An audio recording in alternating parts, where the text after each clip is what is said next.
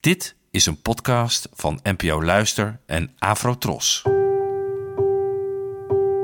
Poëzie vandaag. Met Ellen Dekwits.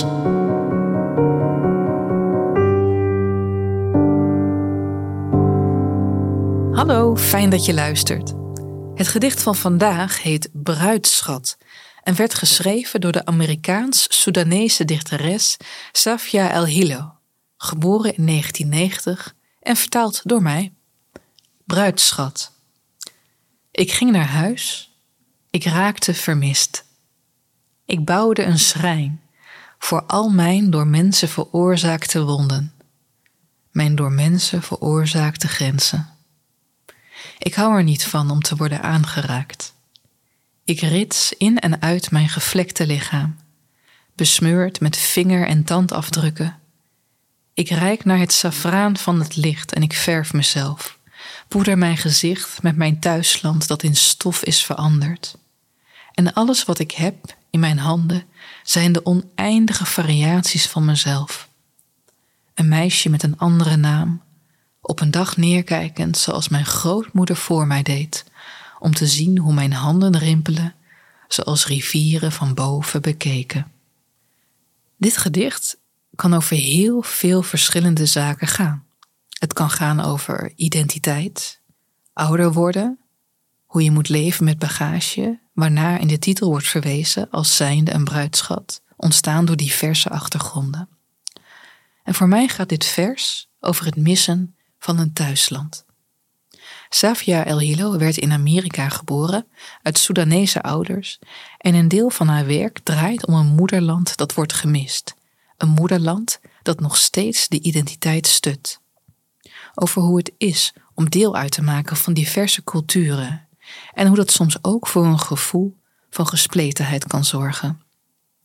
Zelf ben ik afkomstig uit een Indisch-Nederlandse familie van moederskant en een Pools-Nederlandse van vaderskant.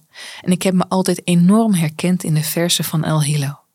Hoe trefzeker ze de wisselende gevoelens die een diverse achtergrond met zich meebrengen aan papier toevertrouwt.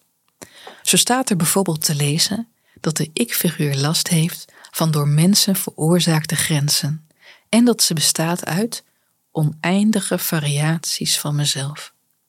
En dat is, vind ik, erg herkenbaar. Je hoeft niet eens een per se een multiculturele achtergrond te hebben om ontelbare identiteiten te bezitten. Het ene moment ben je werknemer, dan weer kind, ouder, geliefde of hulpverlener. En toen ik bezig was met de analyse van dit gedicht voor deze podcast, liet ik het ook aan een vriendin lezen. En uh, deze vriendin stamt uit een familie van militairen. En zij vond dat dit gedicht helemaal niet zozeer over identiteit ging, maar over, nou ja, u raadt het al, oorlog.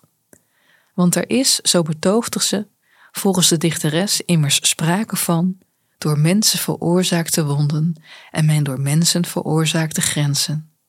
Er is ook een gevlekt lichaam en een thuisland dat in stof is veranderd, volgens mijn vriendin allemaal beelden van oorlog.